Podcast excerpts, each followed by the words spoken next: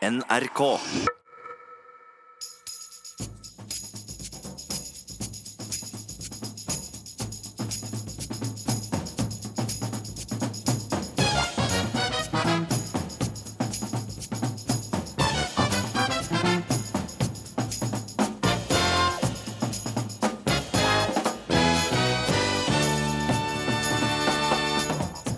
Hareide er den eneste som tar til orde for et varmere samfunn, sier nylig innmeldt KrF-er. Bare tull, det er ikke staten som skaper et varmere samfunn, svarer meningsmotstander. Besteforeldrene takker politikerne for bomstasjonene.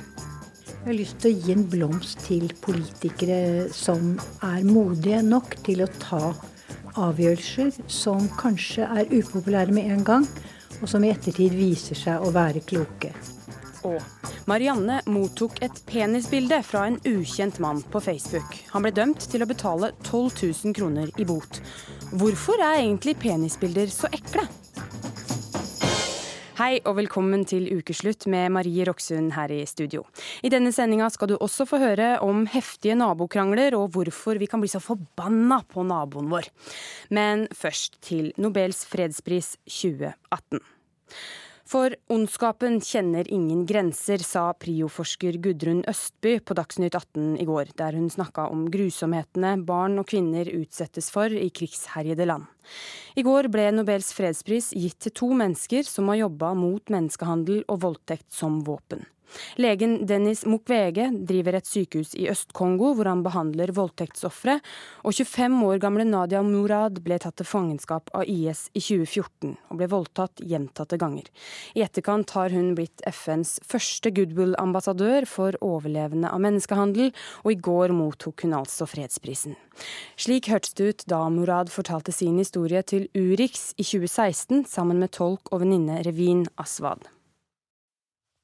مش في في بزعمة ترنديت يا sier i alle disse landene jeg har reist til og fortalt min historie, er pga. denne kledningen som hun gamle dama bar, har på seg. Fordi dette er vår kledning, og min mor hadde akkurat disse klærne på seg. Og vi blir drept pga. vår religion fordi vi bærer disse klærne. Og fordi min mor hadde ikke gjort noe, vi har ikke gjort noe, vi jezdier har ikke gjort noe, vi er et fredfullt menneske. Pga. religionen vår så ble vi drept. Det er pga. henne og hennes kledning jeg reiser og forteller min historie. Revin Aswad, som vi hørte her, fungerte du som tolk da Nadia Murad besøkte Norge. Dere ble godt kjent, nærmest som søstre, sa du til NRK i går. Hva tror du denne prisen vil bety for kampen hennes? Eh, det stemmer, og jeg tror at eh, denne eh, prisen vil bety at det vil styrke Nadia mer til å stå og kjempe for å få rettferdighet for kampen hennes. Det kan jo ikke ha vært lett for henne å stå fram med dette og fortelle om dette gang på gang. Hva, hva ved hennes historie er det som har gjort mest inntrykk på deg? Jo, det at hun at hun klarer å stå frem og fortelle de seksuelle overgrepene hun ble utsatt for, er veldig modig gjort, syns jeg. Det er ikke mange som greier det. Mm. Hun er en modig dame som klarer å stå frem og fortelle det. På hvilken måte tror du Murad vil bruke denne prisen til å kjempe for sin sak? Jo, jeg, jeg, jeg, jeg mener at hun kommer til å bruke for å kjempe for at, at Nadia vil bringe rettferdighet for alle kvinner og barn som blir brukt som våpen i krig og i konflikt. Og du er også jesidi selv, altså en folkegruppe som ikke anerkjennes eh, som rettroende av muslimer. Hva er ditt håp for folket deres videre nå? Jo, jeg kan jo fortelle først litt om hvem jesidi er. Vi er en liten religiøs minoritet som bor i Irak. Vi har overlevd over 72 forsøk til folkemord. Mange av menneskene våre har gått, og mange er i massegraver fortsatt. Graver som ikke har blitt rørt eller investert i denne dagen. Og da tenker jeg at eh, at Nadia vant denne Nobelfredsprisen, at det, eh, det vil understreke det FN karakteriserer det som skjedde i 2014 august eh, mot jezidiene som folkemord. At de, vårt, folket vårt lider fortsatt per i dag under flyktningleirer. De har veldig dårlig eh, de lever i dårlige tilstander, de får så lite med støtte, de har ikke mat, medisiner. De overlever ikke vinteren og kulda. Så de lider ganske mye. Jeg håper at det vil hjelpe, hjelpe mer folket vårt nå som Nadia har vunnet fredsprisen. At det koster mer over at verden får vite mer om hvem de er, jesidiene. Mm. Helt til slutt, er du stolt av Nadia Murad? Jeg er utrolig stolt av Nadia, og, hun, og, jeg håper at hun fortsetter å kjempe. Og jeg vet at det vil styrke henne at hun kommer til å kjempe videre. Jeg er kjempeglad for at hun vant denne Nobels fredsprisen. Tusen takk. Ja, Tusen takk til deg, Revin Aswad. Og den andre som fikk fredsprisen i går, var legen Dennis Mukwege, som leder Pansi hospital, et sykehus i Øst-Kongo som har spesialisert seg på å ta imot og behandle kvinner som er utsatt for seksualisert vold. Leon eh, eh, Bafondoko, du er nevøen til eh, Dennis Mukwege. Du er 20 år gammel, bor i Trondheim, og der er du også nestleder i AUF i Trøndelag. Nå er det også litt over et døgn siden beskjeden kom. Hvordan har disse timene vært? Mine timer har vært eh, helt surrealistisk. Eh, det har vært eh, timer som har blitt fylt med masse glede, masse håp. Eh, og det har også vært timer der man har fått litt tid til ettertanke da, over alt eh, arbeid og den gode innsatsen eh, onkel har gjort for kvinnene i Kongo. Ja, kan du si litt mer om det med den ettertanken? Det er jo en ettertanke som viser nå at Nobelkomiteen eh, vil sette internasjonal eh, fokus på kvinner som eh, blir ofre for voldtekt, som lider i krisesituasjoner. Og så er det en tanke med at det er onkelen min da, som bor i Kongo, og hjelper kvinner når de tror at alt håp er ute i livet. Ja, og som du sier så jo, han bor i Kongo, og du har også vært der og besøkt onkelen din på dette sykehuset i Kongo. Det var sommeren 2015. Fortell oss om det. For meg personlig så var det et sterkt eh, besøk. Eh, det gjorde inntrykk for meg å besøke et sånt sykehus, pga. at jeg vet at eh, det er ikke et sånt normalt sykehus som jeg er vant til her i Trondheim, med St. Olav hospital. Det der var et sykehus i et krigsherja land som har spisskompetanse på kvinner som har blitt voldtatt i krig. Så det gjorde et sterkt inntrykk å komme på et sykehus der jeg får se at det er kvinner som er til stede fordi de har opplevd noe av det mest grusomste i en krig. Mm. Og du sier at onkelen din eh, er en helt og et lys oppi alt dette mørket? Ja, besøket mitt eh, på Panzi-sykehuset i Kongo ga jo meg det inntrykket. Eh, der jeg så at jeg har en onkel som gir framtidshåp og bygger kapasitet av kvinnene her, som at de kan eh, få rehabilitering eh, i deres psykiske helse. Onkel tenker jo også på hvordan de skal leve også etter en voldtektsepisode. Ja. For oss som ikke kjenner eh, Dennis Mukwege personlig, kan ikke du fortelle hvordan han er som person? Onkel er en ordentlig jordnær, ydmyk, gynekolog eh, som eh, ser behovet til kvinner. Eh, og han er også en mann som lever etter sine verdier. Og det fikk vi vist i går, når Nobelkomiteen prøvde å få tak i han. Men så får de vite at han sitter i operasjonsrommet og opererer en kvinne. Og det tror jeg gjorde et sterkt inntrykk for en hel verden. Ja, som du sier så var han jo ganske opptatt. Og, men har dere fått snakka med han, eh, noen av dere i familien? Ja, mamma har klart å få tak i han eh, i går. Eh, der hun prøvde å overtale han til å ja, komme med, en offentlig uttalelse. Der han gir sitt inntrykk over at han har blitt tildelt Nobels fredspris. Men selv når mamma også prøvde å få tak i han, så var han veldig fokusert på at han måtte fortsette sitt arbeid med, eh, som var i operasjonssalen, eh, og hjelpe eh, kvinnene. Tusen takk til deg, Leon Bafondoko.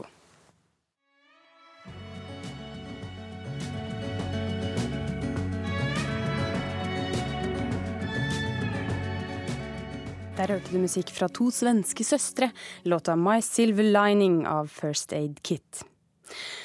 KrF har skapt nytt engasjement rundt norsk politikk. Hareide har denne uka vært på det man kan kalle en misjonærtur og forkynna sitt evangelium i de viktigste KrF-fylkene. Men mange har allerede bestemt seg for hva de mener om KrFs nye politiske retning. De siste tallene fra Kristelig Folkeparti viser at det er 1383 personer som har meldt seg inn i KrF etter denne talen til Hareide, og 130 personer som har meldt seg ut av partiet. Slik hørtes det ut da Hareide ga talen som virkelig splitta KrF i to. Vi må ta et annet valg.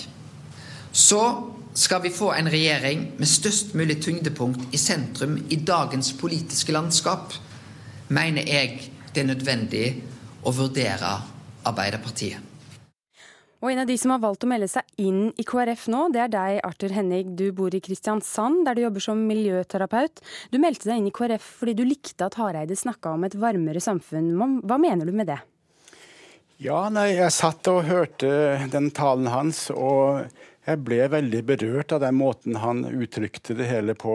og Både budskapet og måten han sa det på. Og Det fikk meg til å stoppe litt opp og, og, og kjenne litt etter hva er det egentlig jeg vil gi min stemme til. Og da ble det der veldig enkelt for meg. sant? For det er en slags gjenkjennelse i det han sier, at vår største oppgave er jo å skape livsvilkår som er gode for mennesker. Det er jeg opptatt av i mitt arbeid som miljøterapeut, og i mitt liv ellers også. Og jeg i hele mitt voksne liv vært opptatt av hva som ligger i denne varme energien som gjør at mennesker eh, trer fram og viser hvem de er. Men politikk handler jo ikke bare om varme og hyggelige ting, da. det er jo andre ting også? Ja, det handler om det, men det, nå snakker vi om fundamentet. Vi snakker om de verdiene som må være i bunn av det hele.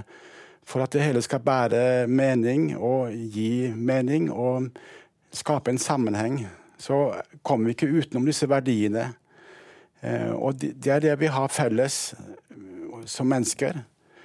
Og her er det, han Hareide viser verdiene i praksis ved å velge det han gjør. Thomas Moltu, du er tidligere byråd for KrF i Bergen og tidligere leder for Bergen eh, KrF. Du er en av de som har meldt seg ut, ikke nå riktignok, men i 2016. Du mener du var en av de første til å reagere på at Hareide gikk mot venstre?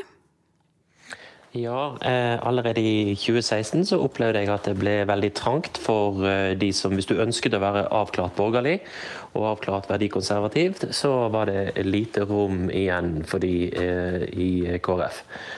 Uh, og jeg tenkte at det er ikke noe vits i for meg å krangle på innsiden. Da tenker jeg da går jeg heller på utsiden, og så gir jeg folk et alternativ uh, og melder meg inn i partiet De kristne, så kan folk få velge fritt. Så uh, det valgte jeg å gjøre da for to år siden. Men Hva tenker du når du hører det Arthur Henning sier her, da? Jeg har stor sympati for hans innstilling, og syns det er bra at vi har muligheten til å kunne melde seg inn i andre partier og ønsker han alt godt i KrF. Så er jo jeg på borgerlig side av flere grunner, men jeg tror jo ikke på at staten er til for å være snill. Eh, jeg tror jo på at staten først og fremst har en oppgave med å være rettferdig. Eh, så tror jeg på et varmere samfunn, men det er noe som ligger oss mennesker imellom. Det er ikke noe som springer ut ifra eh, en offentlig myndighet. Men vi skal tilrettelegge for å heller flytte makten fra det offentlige over på eh, frivillige, private, eh, og legge til rette for at vi skal kunne ha et varmere samfunn. Hva tenker du om det, Arthur Henning? Nei, Jeg opplever ingen motsetning mellom staten på denne siden og individet. For Verdier er forankret individuelt. De kan aldri være at de er hovedsakelig i staten. De kommer fra hvert eneste menneske. og uh, Hvert menneske må være det de snakker om hele tiden. Det er akkurat som Gandhi sier at det er ingen vei til fred. Altså, det, er, fred som er veien. Og Da må en gå på en slik måte og leve på en slik måte at en får en troverdighet. Og, det mener jeg Hareide har gjort og gjør. Og Eh, når flere mennesker gjør det samme, så har vi et godt samfunn som er i stand til å ta og gjøre gode ting for enkeltmennesket. Moltu, du og din kone som begge var aktive i KrF i Bergen, dere har nå begge meldt dere inn i De kristne. Hva er det dere finner der som ikke dere finner hos KrF? Du var jo inne på det med den borgerlige linja, men uh, utdyp det. Ja, altså Det er et større rom for frihet. Altså Vi legger større tyngdepunkter på frihet for enkeltmennesker, for familier, eh, for bedrifter og for frivillige organisasjoner. Og vi ønsker å flytte makt fra offentlige myndigheter og, og ut og nedover til folk. Eh, og så er det klart at Vi har, eh, vi ønsker å ivareta det kristne verdigrunnlaget, for vi mener at det er en kilde til eh, ikke bare frihet, men et godt samfunn. Vi snakker om noe om varmere samfunn. Det tror vi at det er. Vi tror det handler om respekten for mennesket, eh, respekten for livet. Og det har jo òg KrF. Nå har jo de kjørt en vervekampanje, en stor vervekampanje mot abort. Og mange har meldt seg inn. Og så tenker jeg, hva, hva vil en bruke den stemmen til? Vil en gå til Arbeiderpartiet og redusere eller innskrenke abortloven, så, så, er det flott. Men jeg tror ikke det kommer til å skje. Men det å ivareta livet Jeg tror det er mye fellestrekk, men, men vi ligger over på en mer borgerlig side, eh, en mer verdikonservativ side, og vi ønsker å løfte fram dette med friheten som eh, viktig. Arthur Henning, kommer du til å melde deg ut igjen av KrF dersom Hareide må gå? Det har jeg tenkt på. Jeg kan ikke gi noe klart svar på det. Jeg vil jobbe for denne, dette varmere samfunn uansett hvem som eh, taler for det. Og det er eh, en retning jeg har hatt i livet mitt hele tiden. Og, og jeg håper inderlig at uh, alle KrF-ere virkelig tar seg tid til å stoppe opp og lytte til hva Hareide har å si, og hva han tenker å gjøre. Hvordan tror du dette ender, da? Jeg tror han vinner fram og at det blir en tyngdepunkt. Og tyngdepunktet går i retning av verdier som vi er felles om. Ikke som er spesielt kristne, uh, utelukkende kristne, men som er fellesverdier for, for alle mennesker. Og vi er nødt til å, å, å holde tak i den verdibasen der. Thomas Moltu, hvordan uh, tror du dette renner for Hareide? Ja, altså Partiet KrF er jo splittet i dag. Eh, det jeg kan si, er at jeg er rimelig overbevist på at selv om vi får et landsmøtevedtak eh, som går i retning av at KrF bør inn i en borgerlig regjering, så tror jeg ikke det kommer til å skje. Eh, jeg tviler litt altså Det er egentlig bare to alternativer. Det ene er at man blir stående utenfor regjering, sånn som Grøvan sier. Eller at man går inn i en sosialistisk eller en sosialdemokratisk regjering. Eh, og det siste vil jo skape ganske mye eh, bølger. Eh, men om Hareide blir sittende Hvis ikke han vinner frem, så tror jeg han kanskje må gå. Men der er jo egentlig ingen klar lederkandidat til å overta, så de har fått et dilemma. Takk til deg, Thomas Moltu, og takk til deg, Arthur Hennig. Så det gjenstår å se hva, hva, som skjer utover høsten, om enda flere gjør som dere har gjort. Og vi skal snakke mer om høst, for det er visst høst, synger Åge Aleksandersen i låta du skal få høre nå. Her får du 'Danserinnen'.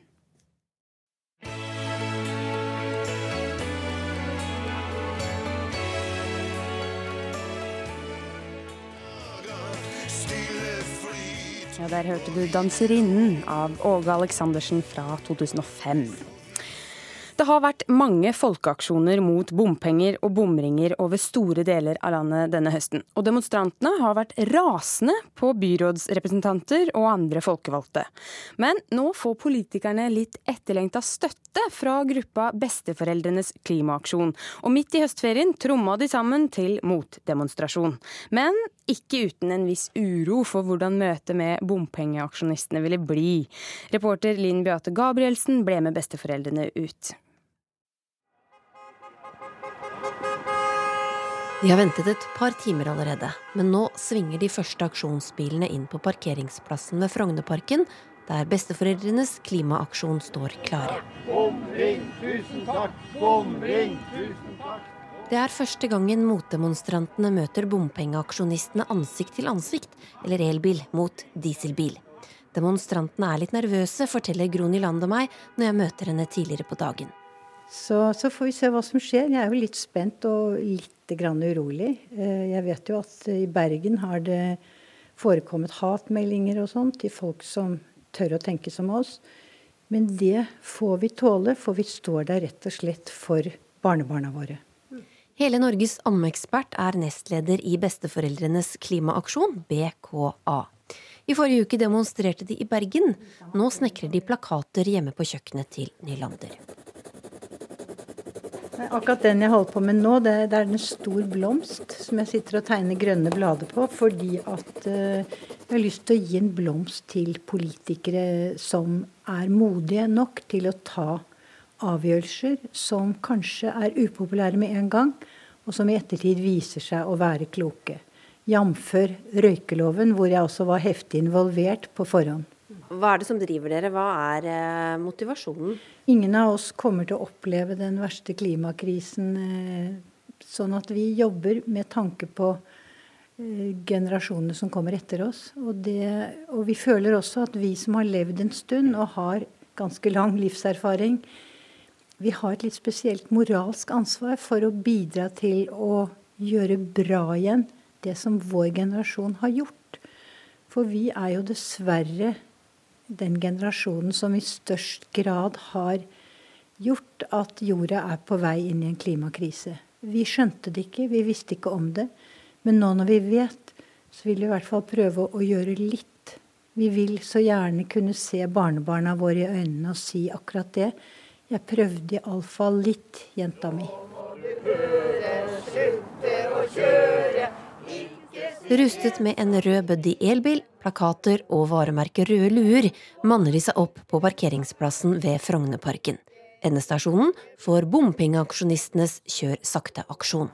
Da skal vi opptre fredelig. Ingen skal greie å provosere oss. Vi vet hvorfor vi er her, og det kan vi være åpne på. Leder av Oslo-gruppa Linda Parr instruerer besteforeldrene. Høres det greit ut? Ja. ja. Flott. Men det tar tid før bilaksjonistene kommer, for noen av de 700 bilene kjørte sakte i samtlige filer, forsinket en ambulanse, og politiet grep derfor inn, sa innsatsleder Gunhild Finne til Østlandssendingen. Det var to av de fremste bilene i, eh, i kortesjen som ble stoppa. Eh, de hadde kjørt eh, i 20-30 km i timen og på den måten hindra lovlig ferdsel. Og den blir anmeldt for eh, veitrafikklovens paragraf 3, som innebærer at man ikke har vært varsom mot andre trafikanter og hindra den lovlige ferdsel. Men det er jo holdt på å si, to av 700 bilister. Da. Er, det, er det flere enn disse to som har uh, brutt veitrafikkloven? Ja, det er det jo helt uh, åpenbart. Men vi har ikke kapasitet til å anmelde 700 stykk. Bomring, men etter nesten to timers venting kommer de første bilene og motorsyklene. Nå kommer det en kjempebil inn og kjører rett mot oss. Jeg syns det er litt skummelt, ja.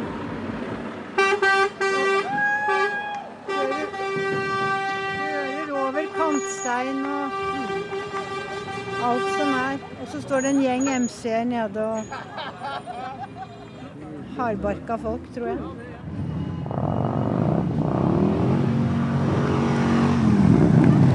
De tjuetalls besteforeldrene blir omringet av hundrevis av biler. De får både usaklige kommentarer og argumenter mot bomring servert tilbake. Pensjonistene de kan få det til å stå der. De trenger ikke å få hverdagen til å gå opp, og dermed så kan de stå her. Men de er bekymra for klima, men det er ikke dere? Nei, ja, nei vi er ikke bekymra for klima. Nei, for Norge ligger på toppen av å spare på klima nå. Ja, Så det er kanskje greit at uh, vi har litt sirkulasjon oppi her òg. Norge er 5,3 millioner innbyggere kontra Kina med 1,4 milliarder. India med tilsvarende.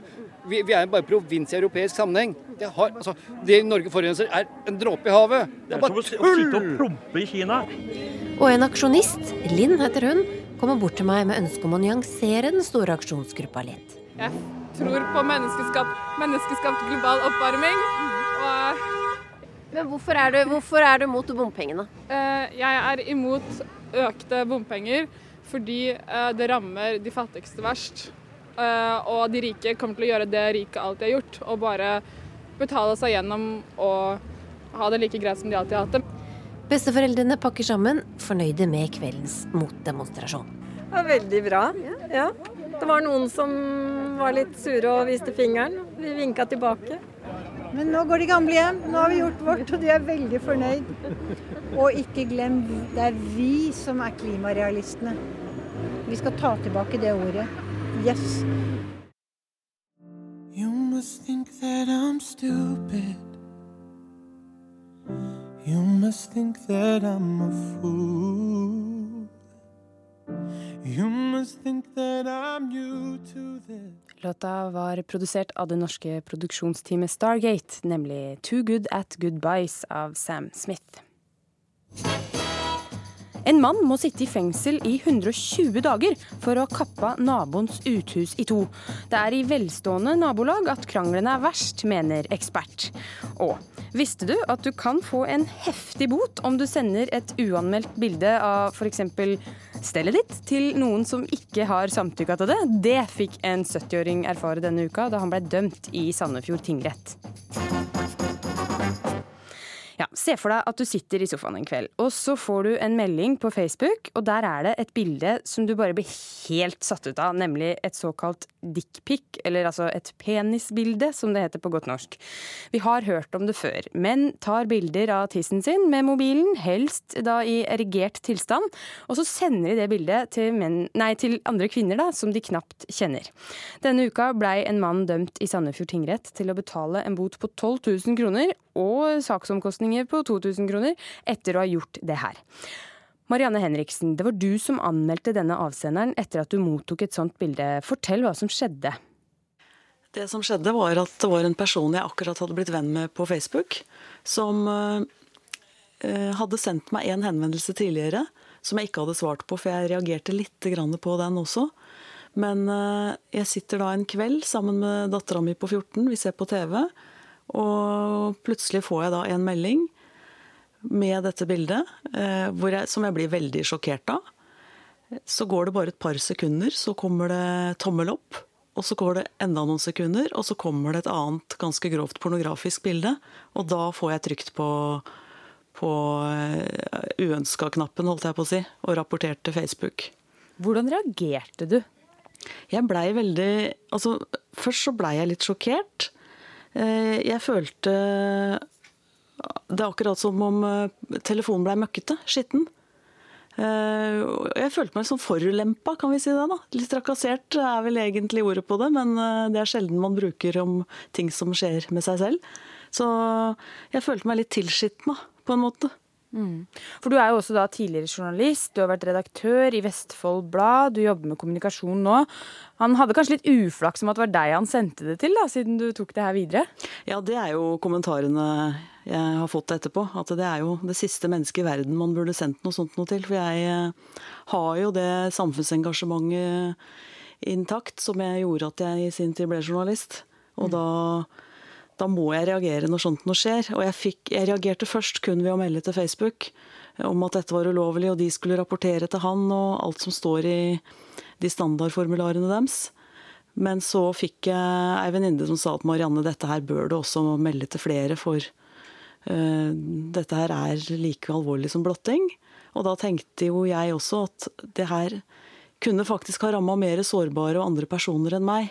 Og jeg vet jo heller ikke om dette er noe som rammer andre der og da, eller om dette er noe som kan utvikle seg til noe mer alvorlig. Mm. Men la oss nå anta da, at de mennene som gjør det her, faktisk gjør det i håp om at det skal føre noen vei. Så hadde nå i hvert fall ikke du den reaksjonen at du tenkte yes, wow, det her eh, likte jeg. Men vi lurer jo da litt på hvorfor penisbilder er så ekle og lite appellerende.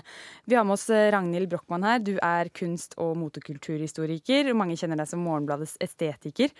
Du har sikkert god kål på hva som er pent og ikke. Hvorfor er det her så ekkelt? Nei, altså For det første så er det jo, eh, som det blir sagt her, det er jo en invaderende handling fordi den ikke er ønsket. Så det er jo utgangspunktet for eh, den følelsen av å være invadert. Og vemmelse kommer jo når man får noe i eh, postkassa som man på ingen måte har bestilt. Så det er jo det første og det viktigste. Og mange mener jo at dickpics, definisjonen på det er at det kommer uønsket. Så er det jo dette med altså penisbildet, det erigerte penisbildet mer enn det store og det hele. Og vi må jo anta at eh, det både sendes og eventuelt også mottas eh, med glede i noen tilfeller. Men jeg tror grunnen til at det av mange, selv når det er en del av en chat hvor noe erotisk ligger under, eller er under oppseiling, så tror jeg det handler om at det er jo i, i slekt med en, en bildsjanger som veldig mange har litt ambivalente følelser overfor, nemlig selfien. Det som er problemet med selfien, eh, det er jo gjerne at det er et veldig iscenesatt bilde som eh, på sitt beste kan prøve å gi en sannferdig fremstilling av den som sender det, men som på sitt verste er et dypt narsissistisk eh, budskap som handler om den som sender det, og ikke om mottaker. Og i dette tilfellet så kan vi tenke oss at her er det jo en autoerotikk. Her er det jo et jeg, meg, se på tissen min, se hva jeg har. Beundre meg, se meg, bekreft meg. I verste tilfelle også et slags rop om hjelp. Se meg! Hjelp meg! Jeg er noen, jeg også. Og at man ikke engang sender ansiktet sitt i erotisk opphissa tilstand, men penisen, er jo et, et veldig brutalt budskap. Det er, så, det er, så, utrolig tydelig og så rett i fjeset på deg. Og det er også så lite sofistikert. Og her er vi inne på en viktig ting, tror jeg, at menn og kvinner kommuniserer jo, som vi vet, gjerne litt ulikt. Vi har jo klisjeen om den litt tause mannen som ikke nødvendigvis bruker så mange ord på å si det samme som en kvinne gjerne ønsker seg. Og kvinner er jo også kjent for å ha litt andre ønsker rundt en sofistikert og spennende dramaturgi når, når, sex skal skje og erotikk skal spilles opp. Og da er jo La oss si du først sender en henvendelse som er hei, og så får du ikke noe svar på det, og så sender du tissen din. Da tror jeg de fleste er enige om at det er en utrolig abrupt og kjedelig seksuell henvendelse. Var det sånn du opplevde det, Marianne Henriksen? Ja, han spurte meg jo først om å ta en kaffe med meg, som han aldri fikk svar på. Og så gikk Jeg husker ikke hvor lang tid, men det tok ikke lange tida før dette andre skjedde. Men jeg tenker jo den største nedturen må jo være for han når en søt kvinnelig aktor holder opp et A4-ark med 'Er dette din penis?' Hevnen er jo veldig søt allerede der, ja. tenker jeg. Men det er, jo, det er, jo, nettopp noe med at altså en mannlig erigert penis, altså et mannlig kjønnsorgan, kan jo være det vakreste som finnes, men det er jo også brutalt og invaderende på en fysisk måte som et kvinnelig et ikke er. Så jeg Nettopp, det er kanskje forskjell på kvinner og menn her nå? Ja, det er faktisk en liten forskjell. Og jeg tror at uh, idet henvendelsen både er uønsket, og det er et organ som er ment for å invadere deg helt uh, fysisk, så er det klart at det har en lang psykologisk tradisjon også med å være noe som er til skade for en potensiell uh, mottaker som ikke ønsker denne seksuelle oppmerksomheten. Men så er det jo en annen ting rundt hvorfor det er ofte er så stygt. Det er jo fordi kvaliteten på bildet ofte er så utrolig dårlig. Og menn, eh, hvis man kikker på chatterom eller nettsider som nettopp handler om hvor dårlig menn ofte er til å ta bilder av seg selv eller lage attraktive Tinder-profiler, f.eks., så handler det veldig En sjekkeapp? En sjekkeapp-bilder. At menn er veldig mm. dårlige på det, så er det jo gjerne fordi de er dårlige både til å gi et godt inntrykk av hvem de egentlig er, eh, og i de grad, den grad de gjør det, så er det ofte veldig enkle bilder tatt i dårlig lys, eh, når de kanskje er fulle, har en ølflaske i hånda og eller det er nedenfra opp, sånn at de skal se store, maskuline og eh, sterke ut. Det syns ikke kvinner nødvendigvis er så attraktivt. Så det at det er sånn grynte kvalitet under en dyne nå er jeg klar, det er midt på natta i et grelt badelys, som heller ikke er så flatterende verken for penisen eller mannen som, eh, som, den sitter på, så er det noe med at, eh, at det er en type billedkvalitet som, som oser gutterom og potetgull og tennissokker mye mer enn det lukter uh, hot sex, tenker altså, jeg. Så blir man kanskje litt tatt på senga når man ikke kanskje kjøper det begjæret, litt sånn som du opplevde, Marianne Henriksen, at det kommer så brått og uanmeldt. Ja, og det, når det gjelder det estetiske, så er det absolutt sant. For her ble det ikke tenkt på parkett og persiske tepper og mønstrete gardiner i bakgrunnen og hele pakka. Det var ikke noe egyptisk bomull under denne tissen? Nei. Det var jo synd. Ellers hadde det vært en annen kopp med kaffe, kanskje. Eller te. Takk til dere, Ragnhild Brochmann og Marianne Henriksen. Og så kan det jo være greit da, å minne om at det står i straffeloven at det ikke er lov til å gjøre noe seksuelt krenkende overfor noen som ikke har samtykka til dere. Nei, samtykka til det, så vet dere det. None of those games, love. I want none of those games, love. Fersk musikk fra norgesbandet Highasakite med låta 'Elastic State of Mind'. Denne uka falt dommen i en mye omtalt nabokrangel, der en mann ble dømt til 120 dagers eh, fengsel for å ha kappa naboens uthus i to. Og det høres kanskje litt ekstremt ut, men samtidig så er det mange av oss som har vært i klinsj med naboen en eller annen gang. Vår reporter Emilie Gamst lurte på hvorfor blir vi så forbanna på naboen?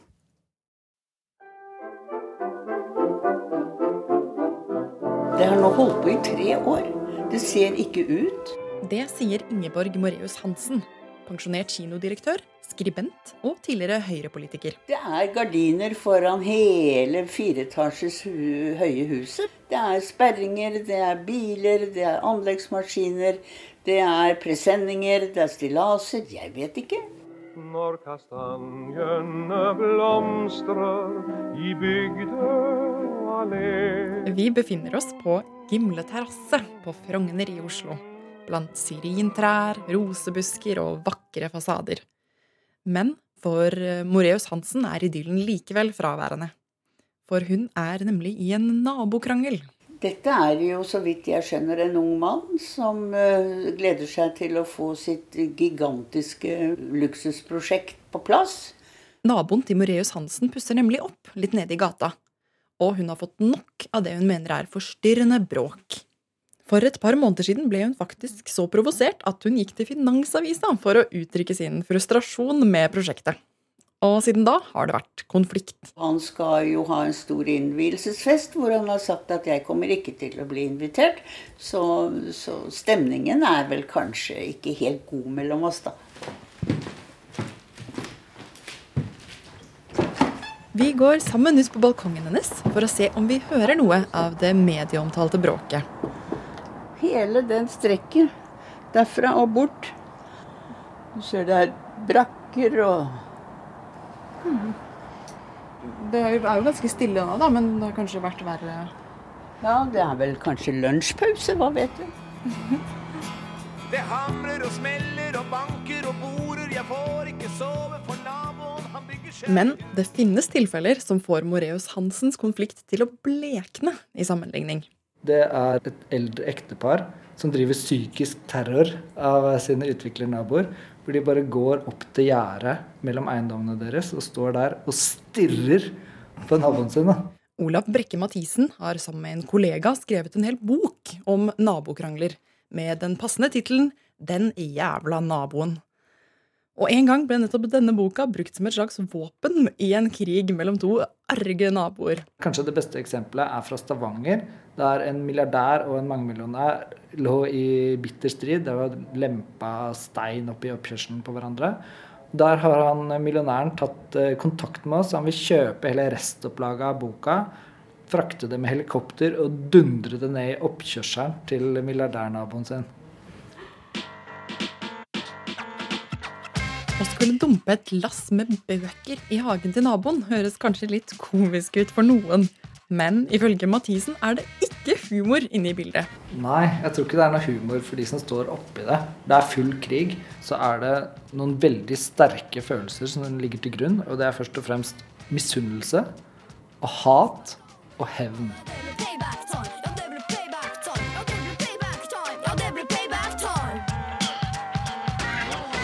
Da Mathisen jobbet med boka, oppdaget han at det var én ting de verste konfliktene hadde til felles. De foregikk i velstående nabolag. Han forteller om møtet med ett av disse områdene. Dette er et av de aller rikeste områdene i Norge, så vi begynte å banke på dørene i nabolaget. Og da, da fant vi ut at egentlig så ligger nesten alle naboene der i en eller annen krangel med hverandre. Vi døpte om den gata til Ulykkeliga gatan. Folk sa at de ville starte asylmottak for å tukte naboen sin. De driver og drar i hagene til hverandre. Og denne uka ble vi minnet om nettopp hvor sinte naboer faktisk kan bli på hverandre. Den såkalte huskapperen ble tirsdag dømt til 120 dager i fengsel for å kappe naboens uthus i to. Mathisen er en av få journalister som har møtt mannen bak Norges kanskje mest berømte nabokrangel. Han var både morsom, vittig og smart og hyggelig. Men vi hadde jo bare lest forferdelige ting om han. Og vi var omtrent på samme alder, så jeg tenkte wow, han fyren her kunne jo vært kameraten min. Og da oppsto egentlig litt av vår fascinasjon da, for det fenomenet her. For hva er det som får en sånn ressurssterk, oppegående fyr til å gå utover grensene for normalitet og gjøre sånne utrolige ting? Vi snakker her om konflikter som skrives om i landsdekkende aviser, og som ankes hele veien til Høyesterett. Men hvem er menneskene bak? De er kanskje vant til å bjeffe folk rundt på jobben. De er ofte sjefsposisjoner. Og de er ikke redde for å ta en fight. De har kanskje en familieadvokat som de kan ringe til. De har kanskje to. Det som ofte kjennetegner en farlig nabo, da, det er at de eskalerer veldig fort. da. Du kan f.eks. finne på å spørre dem hei, gidder du å ikke parkere bilen foran døra mi hver dag? Så kan de si sier du det en gang til, så setter jeg fyr på garasjen din. Men det er når to sånne hissigpropper, enten det er menn eller kvinner, da, Eh, når de havner ved siden av hverandre, da blir det full krig.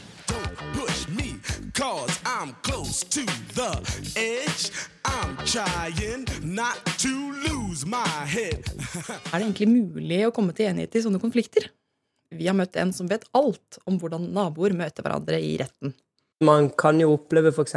at eh, parter ikke hilser på hverandre, ikke ser på hverandre, og det er isfronter. Steffen Rogstad er dommer i Aust-Agder tingrett. Det kan jo være f.eks.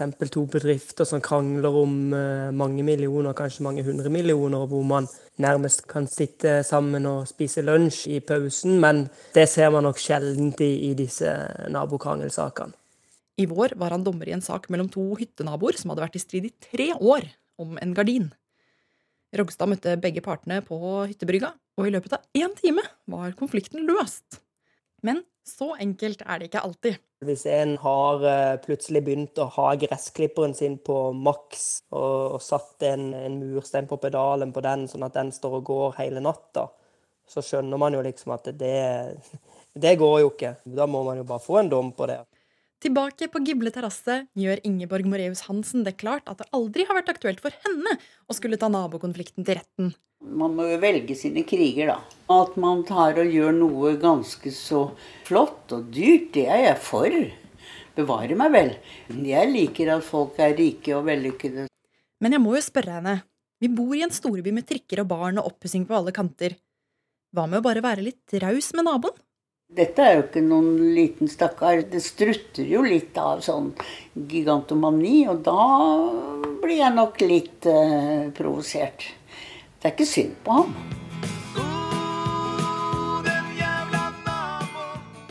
Reporter i saken var Emilie Gamst.